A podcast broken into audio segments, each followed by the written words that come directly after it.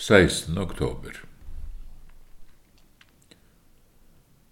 I første Tessalonikerbrev, fjerde kapittel og syvende vers leser vi i Jesu navn. Gud kalte oss ikke til urenhet, men til helliggjørelse. Rosenius skriver Nest etter læren om Kristi forsoning og hvordan vi ved troen får del i den, så er læren om helliggjørelsen det viktigste og mest betydningsfulle for at det åndelige livet fortsatt skal være levende i oss. Eller rettere sagt, det åndelige livet, ja, det evige livet, står og faller med disse to hovedsakene, Kristi rettferdighet for oss og Åndens helliggjørelse i oss. Disse to forholder seg til hverandre i nådens rike som skapelsen og opprettholdelsen i naturens rike. Tusenvis av sjeler har begynt i ånd, men fullført i kjød,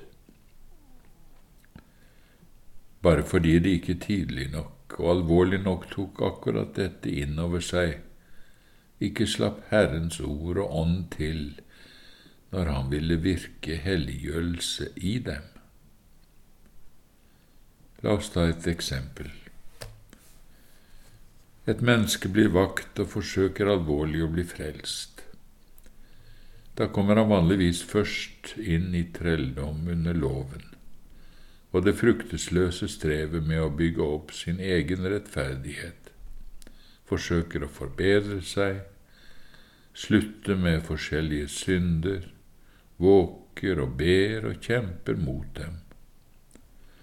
Den bevisste eller ubevisste hensikten med alt dette er da at først når dette en gang lykkes, føler han at han kan ta imot nåde og fred i Kristus men det mislykkes jo hele tiden. Synd blir bare enda sterkere i han.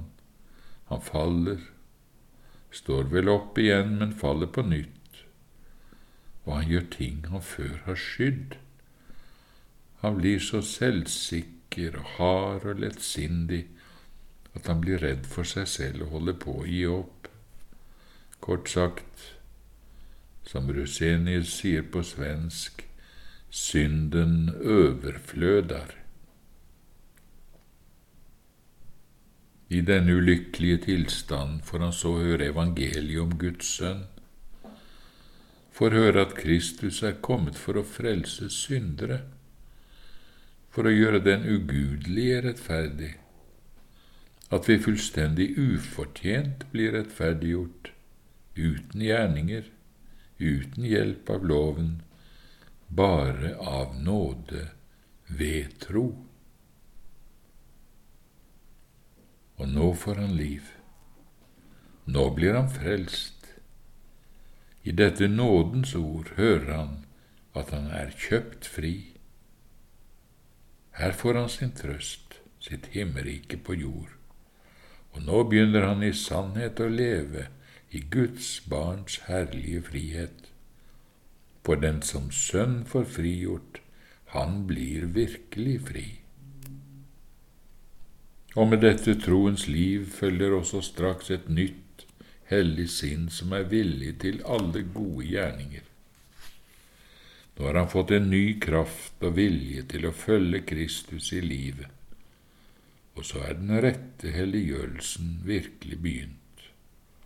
Nå er han plantet på det rette sted, som et tre som er plantet ved strømmer av vann, for han er innpodet i Kristus og lever i Kristi forsoning. Hvem skulle tro at akkurat her, midt i denne herlige vårblomstringen, med evangeliets regn og solvarme, skulle den giftige slangen kunne vokse opp? Som snart skulle ødelegge hele denne nye, herlige planten. Men akkurat dette er det som så sørgelig titt skjer. Og hvordan skjer det? Jo, for eksempel på denne måten. Ganske snart dukker den samme slangen opp som også bedro Eva med sin list, selve den farlige Satan. Og når han ikke har lykkes å forføre mennesket vil ved å holde det fast under loven, ja, så vil han forsøke igjen på motsatt side. Nå planter han en trøst som ordet aldri har gitt, nemlig dette at når mennesket nå er frigjort fra all synd, skam og dom, fra lovens forbannelse, fra dødens og djevelens vold, ja, så er den også utenfor all fare. Så trenger den ikke frykte noe som helst, men kan slå seg fullstendig til ro. Men dette er jo både en skadelig og til og med en falsk holdning, for det rettferdiggjorte mennesket er absolutt ikke utenfor all fare, og faren er både dobbelt så stor og nærmere når en ikke, frykter for den. Det rettferdiggjorte mennesket er ganske visst fri fra synd, skyld og dom og forbannelse, men har fremdeles en annen fiende, som så snart kan komme til å ødelegge hele den nye og herlige skatten.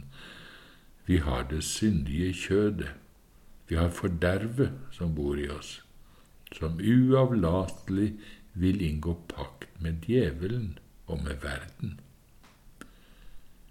Og selv om denne synd i deg ikke tilregnes eller fordømmer deg så lenge du blir i Kristus, så kan den likevel gjøre mye ondt hvis den ikke angripes i tide. Gjennom det vi kaller en daglig omvendelse, må den korsfestes og dødes. Den kan gjøre mye forferdelig ondt.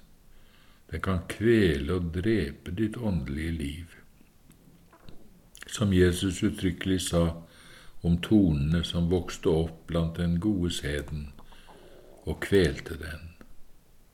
Og da er jo hele skatten tapt, som, aldri, som om du aldri hadde eid den.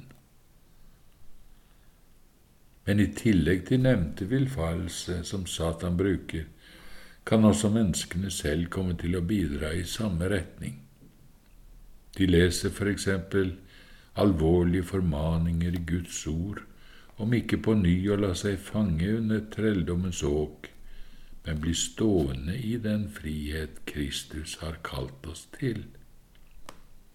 Men i tillegg til den gode lærdommen i dette ordet tar de også til seg en falsk oppfatning av ordet. Nå bryr de seg ikke så mye om de ordene, de ordene som krever noe av oss men blir bare opptatt med det herlige evangeliet. Dermed, når det gjelder vår frihet fra loven, blander de sammen samvittigheten og kjødet, vår rettferdighet overfor Gud og vårt liv på jorden. De gjør friheten fra loven gjeldende på disse vidt forskjellige områdene. Ja, det gir nok dessverre mye mer frihet i kjødet og sin livsførsel enn til sin samvittighet. For den smitteeffekten og den sykelige trangen ligger i vår natur, at vi i vår samvittighet vil være loviske og trellbundne, men i kjødet og vår livsførsel vil vi være frie og lovløse. Ordet taler om frihet fra loven, men det går ikke alltid konkret inn på hva som skal være fritt, og hva som skal være bundet. Og når så fristelse til konkret synd setter inn, da kan det lett skje at menneskene bruker friheten som en anledning for kjødet, og misbruker vår Guds nåde til et liv i utsvevelse.